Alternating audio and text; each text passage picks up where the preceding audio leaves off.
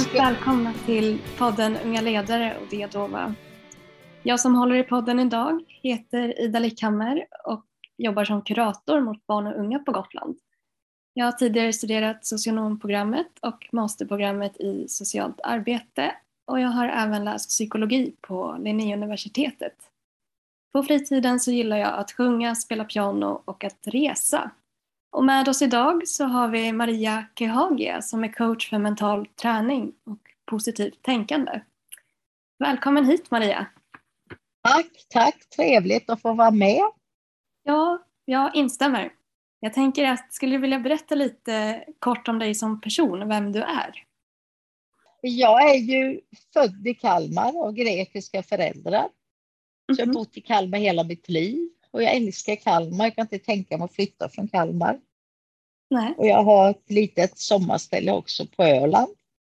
Mm -hmm. Och så har jag en liten hund, två barn och en man. Det låter härligt. Men min hund den är jätteviktig för mig. Ja. Där kan man prata lite om ledarskap och se liksom hur den på något sätt, är jag lugn så är han lugn, är jag stressad så blir han stressad. Oh, det är väldigt läsa. tydligt, ja, väldigt tydligt där att när jag stressar upp så läser han av mig och det, det kan ju också så i många arbetslag. Mm. Om, om en är stressad, en chef är stressad eller en arbetskamrat, det tar inte lång tid innan alla är stressade. Nej, precis. Vad var det som fick dig att spåra in på mental träning då?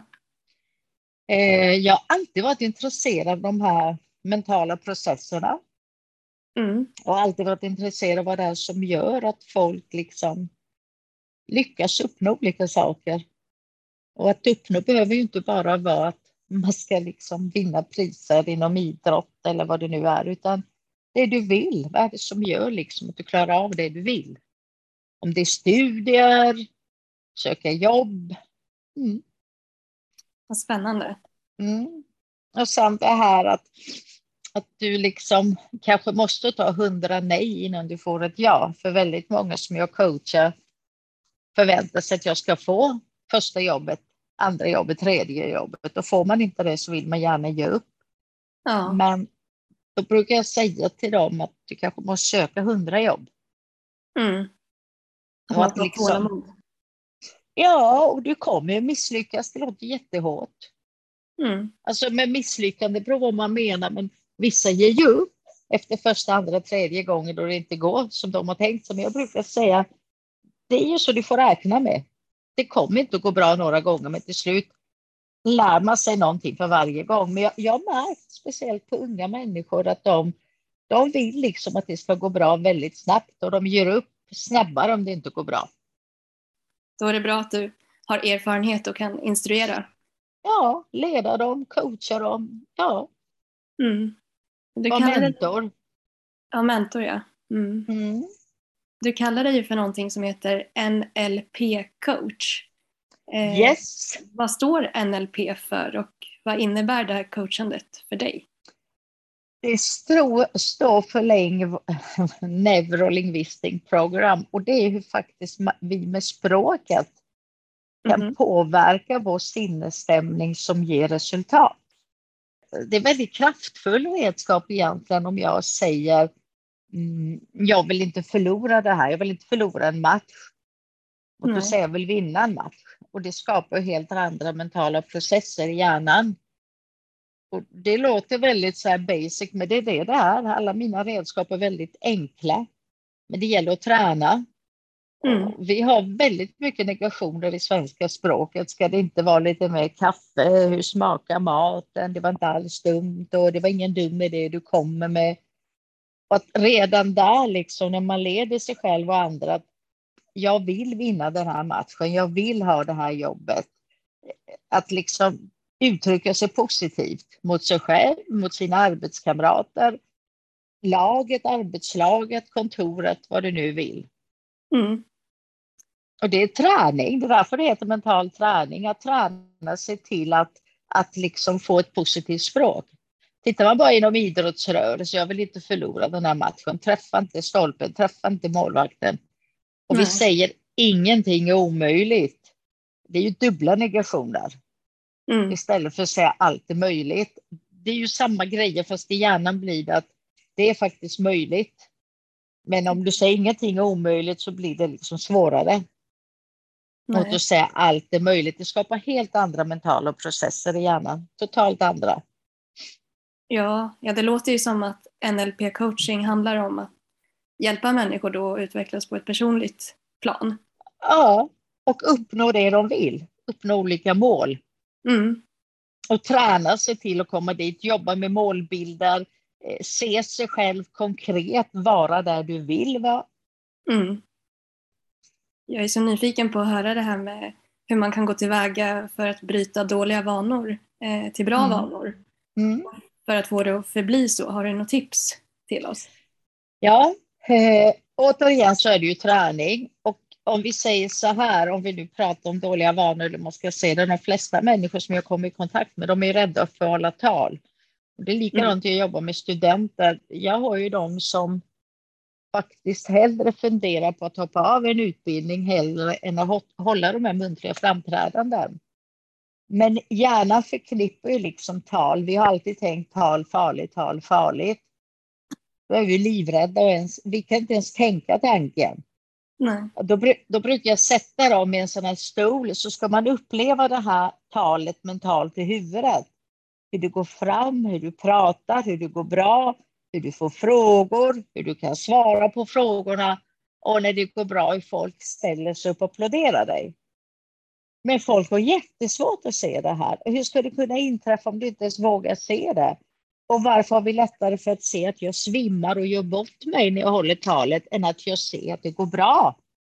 Ja. Men träna sig och se hur jag går fram, hur jag vänder mig om, hur jag börjar prata.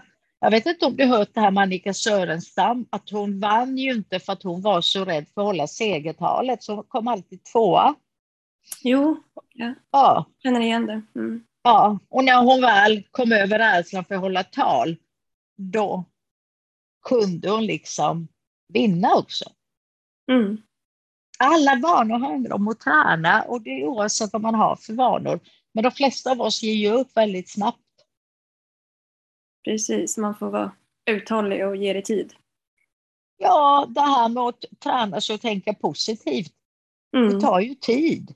Det kan ta jättelång tid, det kanske tar ett år. Men för varje gång du tränar så ger det resultat.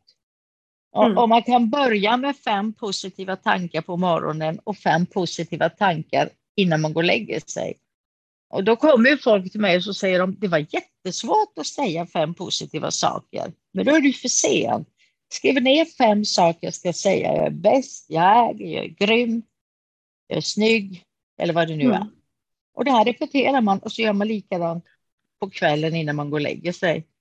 Första vanorna när du kommer hem till din familj eller jobbet eller idrottslaget istället för att säga något negativt. Att mm. bli medveten, vad kan jag säga här? Mm. Första tanken när man kommer till jobbet, och nu får jag släppa dit kroppen. När man kommer in till omklädningsrummet och så är det negativt prat och sen ska vi vinna en match. Det är ju så dumt så det är inte klokt. Mm. Snacket i omklädningsrummet och att alla ska ta ansvar.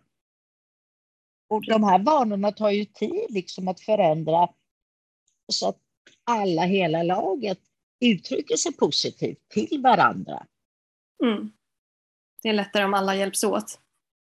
Ja, och påminna varandra. Och sen framförallt har jag sett att när många människor som har varit väldigt, väldigt negativa förändrar sig och blir positiva, då blir omgivningen misstänksamma. Mm. Och tänker, det här är ju bara fejk. Mm. Den här personen kommer bara vara det en, två, tre gånger så kommer den att lägga av. Men de fattar inte grejen att den personen tränar ju varje dag. Och om vi istället uppmuntrar varje litet steg, då kommer de att förändra sig. Mm. Och då säger många, varför ska jag uppmuntra det här? Ja, men kom inte till mig och gnäll annars. När man gnäller över att en person är negativ och så får den verktyg varje dag mm. hur den ska träna och folk blir misstänksamma, då blir det liksom ingen förändring. Nej. Jag tänker på hur skulle du säga att man kan tänka kring just om man vill avsluta sina negativa tankar som man har. Är det träning som gäller där också? Eller? Ja, först och främst börja bli medveten. Vad har jag för negativa tankar? Mm. För om jag inte ens är medveten, då är det svårt att förändra någonting. Ibland säger man, oj jag tänker så mycket negativt. Ja, men vad har du för negativa tankar? Kan det vara att jag klarar inte av det här, jag mår inte bra, orkar inte? Det är så enkelt egentligen att förändra och börja tänka, jag orkar. Det ska bli kul. Mm. Första gången tänker hjärnan, det där är inte sant. Andra gången, nej, nej, nej. Men ju mer man tränar, ju mer börjar hjärnan acceptera det här. Det är mm. samma sak när du öppnar dörren och kommer hem, om du alltid liksom bara ah, pust och så ser du alla skor och det här. Till slut tänker hjärnan att det ska bli problem och sen är plötsligt har du en mental coach som säger till att öppna dörren och säger det positiva. Mm. Första gången tror du inte på det själv, andra gången går det lite bättre, tredje gången, fjärde gången, femte gången. Till slut blir det ju mer naturligt. Precis. Ja, det låter väldigt spännande att liksom vara med om den resan själv. Jag blir själv sugen på att pröva. Och jag, har ju, jag faller ju jättedjupt fortfarande. Herregud. Mm. Men jag vet hur jag ska göra för att ta mig snabbt uppåt. Mm. Vad gör du då? Då, då jobbar jag direkt. Jag liksom lurar hjärnan och tänker att jag är jätteglad, jag mår bra. Vad finns det för vinster om jag mår bra? Vad finns det för vinster om jag reder ut det? Finns ju ingen vinst av att må dåligt. Nej. Det finns ju ingen vinst. Nej, det är väldigt sant. Jag tänker också... mår, jag, mår jag bra så förändrar också omgivningen. Och jag vet, jag bryter många gånger det här negativa med att berömma människor. Mm. Och då, alltså det är, ju, det är ju inte klokt hur enkelt det är att förändra människor med beröm. Nej, precis. Men vi blir ju misstänksamma med beröm i detta land. Och tänker, mm. vad är hon ute efter? Mm. Men jag skickade nu för några veckor sedan så skickade jag till en person att jag bara skrev så här på kvällen, någonting jag verkligen kände. Jag uppskattar dig så mycket som person. Jag skrev liksom inte du är så duktig när du gör det här, en prestation. För jag är noga på att berömma personligheten och då blev det jag uppskattar dig som person. Och sen när hon kom till jobbet nästa dag, hon liksom skuttade. Ja, fint. Och vi hade det lite jobbigt innan. Mm. Men till slut så tänkte jag, vad uppskattar jag med henne? Det är liksom något positivt och finns det uppskattat hos alla människor. Där har vi det här också, bryta, bryta, bryta, träna dåliga vanor. Vi ger inte beröm, vi blir misstänksamma mot någon som ger beröm. Eh, ja, för mig är inte bara dåliga vanor att jag inte tränar. Även om jag har jättesvårt för den biten. Bestämma sig för att ta tag i den och jag, ofta, jag ger ju upp väldigt enkelt. Då finns det också andra dåliga vanor som man ska jobba med. Jag tänker i ditt jobb som eh, coach för mental träning och positivt tänkande så stöter du säkert på en hel del eh, människor som berättar om sina problem för mm. dig och som du då vill ha hjälp med att hantera. Och mm. vad gör du själv för att orka med jobbet när människor ja, så, de spyr ut sina problem på dig? Vissa gånger tar man det med sig det hem och det är jättejobbigt. Mm. Men jag försöker redan under första samtalet vända på det. Och liksom att de ska få en kick och förstå hur enkelt det är att förändra sig. Så jag liksom bygger dem mentalt. Mm. Det kan ju vara liksom någon som har en dålig vana att alltid gå ut och dricka varenda helg. Unga killar och tjejer, de kan ju göra det. Och de vill ju inte det, men de känner press. Och då kanske det blir så att jag säger till dem, ja, men vem är det som ser om du dricker en tom burk eller en halv än om du dricker en hel burk? Nej, men hur ska jag förklara? Man får ju hitta vägar för de vill ju ta sig ur det här. Ja. De vill ju inte dricka och bli fulla. Nej, precis. Men de känner att de alltid måste göra det och till slut så är det små enkla tips som de tycker, ja just det, vad rätt du har, för de har aldrig tänkt i de banorna. Nej. Kanske inte festa lika mycket, kanske minska träning och sen kommer de tillbaka efter en vecka så har, jag då har de fått en liten hemuppgift eller hemläxa. Mm. Och så ställer jag frågan, hur har det nu gått? Och ibland går det bra, ibland går det inte bra. Och jag säger till dem, jag dömer inte dem, utan vi tar nya tag till nästa vecka. Mm. Och till nästa vecka och till slut börjar det liksom, börjar de ju bli medvetna. Och tycker det inte farligt liksom om jag, jag dör ju inte om jag vågar markera för kompisarna. Nej, precis. Och det är också en konkret dålig vana att man till slut måste dricka varje helg. Man måste gå ut varje helg. Mm. Jag tänker på det här också, att du säkert möter på motstånd i mötet med en annan människa. Till exempel att eh, ja, men personen som du har mötet med kanske vill förändra sig samtidigt som den inte vill. Att det är liksom lite fram och tillbaka, den är lite ambivalent. Hur brukar ja. du bemöta det? Det händer faktiskt att många personer inte vill komma. Men mm. då ställer frun eller mannen ultimatum att om inte du går så kommer det, och liksom, vi kommer skilja oss för då har det blivit så negativt i förhållandet. Okej. Okay.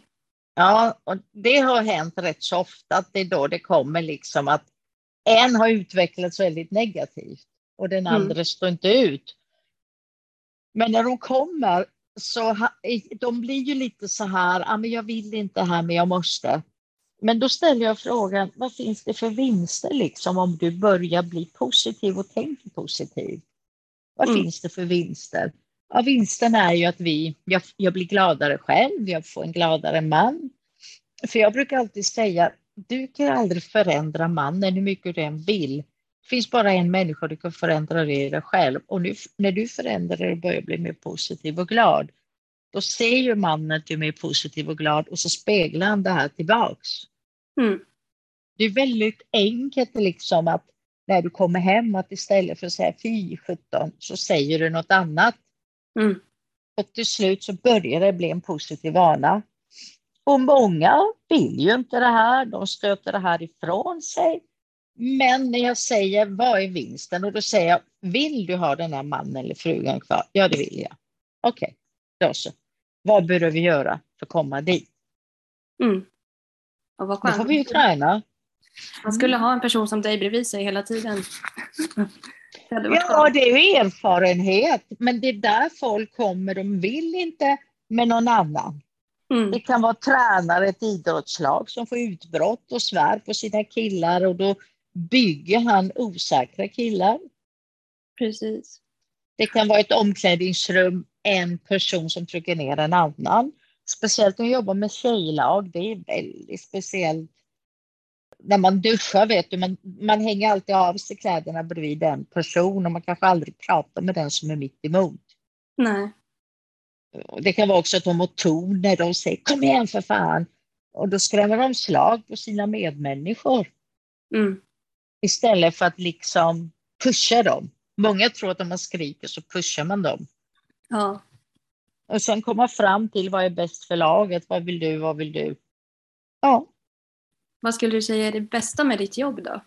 Det bästa med mitt jobb är ju när jag ser hur, li, hur lite redskap de behöver för att det ska bli så stora effekter. Jag hade en kvinna som hade det dåligt på jobbet, som påverkar förhållandet, som påverkar, påverkar fritiden. Och liksom, jag, gav, jag hade bara två möten med henne och så sa jag, har det gynnat dig ditt sätt att tänka? Har du liksom, när du har tänkt så här, har det gynnat dig ditt liv? Har du, fått, har du fått det bättre på jobbet? Nej, hon var den som hade det sämst. Löneutvecklingen sämst. Eh, semestertiderna fick hon välja sist. Ja, men varför är du sån då, typ? Och så mm. vänder vi på det och liksom att hon ska komma in och vara positiv. Men när hon fick kickar, positiva kickar tillbaks, då, ble, då var hon så glad när hon kom hem. Och då blev det positivt där också. Ah. Och sen blev det positivt på fritiden. Det är ju helt fascinerande. Ja, det smittade av sig liksom. Det smittar av sig, för då kom hon hem och är glad. För då märker hon att när hon kom glad till jobbet så fick hon glada arbetskamrater och så mm. fick hon roligare arbetsuppgifter hon mådde bättre helt enkelt. Jag sa du kan aldrig förändra, men du kan förändra din inställning. Det kan du alltid göra. Ja. Men det, det, det, är ju det jag kommer ihåg. Det var många, många, många år sedan. Jag kommer ihåg det, liksom hur den här cirkeln, hur komplett det blev till slut. Ja, vad coolt. Att vissa mm. saker fastnar liksom. Men många har aldrig tänkt, vet du. De har aldrig tänkt hur tänker jag? Men de ser hur alla andra tänker, för det är svårt att komma på att jag faktiskt är väldigt negativ. Jag kan vara så negativ ibland så jag står inte ut med mig själv. Jag mår ju inte bra när det är negativ, hur ska en annan orka då? Nej, men jag är som mest negativ, jag mår ju inte bra. Nej. Alltså, jag mår ju inte bra att vara negativ. Nej, det är så sant. Och då får man ju lura hjärnan hela tiden och jobba och liksom leta efter det som är bra. Okej, okay, det är jobbigt att hålla tal, men vad finns det för vinster efteråt? Jag får en kickkänsla, jag mår bra. Okej, okay, går det inte som jag tänkt mig, då tar vi nästa tag och nästa gång och nästa gång. Mm. Ja, det låter väldigt bra i alla fall och jag tänker nu har vi ju pratat lite om ditt jobb och eh, fått lite tips också för att kunna må bättre. Så jag tänker att vi ska gå in och, lite, eh, gå in och prata lite om ditt jobb kopplat till ungt ledarskap och hur man kan bli en bra ledare. Och jag tänker att det man hör är ju att ja, men det är viktigt att man är engagerad, att man är drivande och omtänksam och även ordningsam då för att vara en eh, bra ledare. Vad, vad, skulle du själv säga är den viktigaste egenskapen för att liksom bli en bra ung ledare? Lyssna det är jätteviktigt att man lyssnar på sina medarbetare. Ja. Och sen att våga liksom ta plats. För många unga tror ju liksom att jag är så ung och leder de äldre, men de här unga människorna de har någonting som de äldre inte har. De är ju, de är ju så utbildade. Mm. De kan ju det de kan teoretiskt väldigt bra. Men de kanske inte kan det praktiskt, medan de äldre kanske kan det praktiskt, men de kan inte den här teorin. Nyutbildade lärare exempelvis, de är ju jätteduktiga. Mm. Men att våga ta plats, att våga visa att jag kan.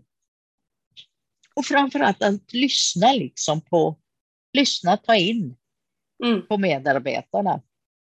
Absolut. Och våga ställa frågor, hur vill du ha det, hur vill du ha det? För ibland när man ställer frågor så säger folk, har ingen aning. Nej. Ja, men du, du klagar, men hur vill du lösa det här? Så att våga ställa de här frågorna, men framför allt tycker jag det är basic, tro på dig själv och på det du gör. Mm. Att det... våga komma in och liksom jobba, komma in med självförtroende och tänka, jag kan det här. Mm. Absolut, jag tänker också det här med att vara ledare, det känns ju ändå som att det är väldigt lätt att de får kritik på sig just för att det är mm. många anställda oftast. Eh, eller mm. beroende på vart man jobbar såklart men mm. de flesta arbetsplatserna är ändå mycket personal. Eh, mm. och jag tänker att just som ung ledare kan det ju säkert vara svårt att få med sig sina medarbetare just det här som du sa att unga kanske inte har så mycket erfarenhet än så länge och att de mm. kan ställa sig lite, att medarbetarna kan ställa sig kritiska till det. Eh, vad skulle du säga att en ung ledare ska tänka på just för att inte ta den här eventuella kritiken då, så personligt? Jag brukar säga så här, jag ska komma tillbaka till det här att inte ta det personligt. Jag, ja. jag brukar säga så här, ibland när man går in, då ska man förbereda sig också på att det någon gång kommer bli kritik.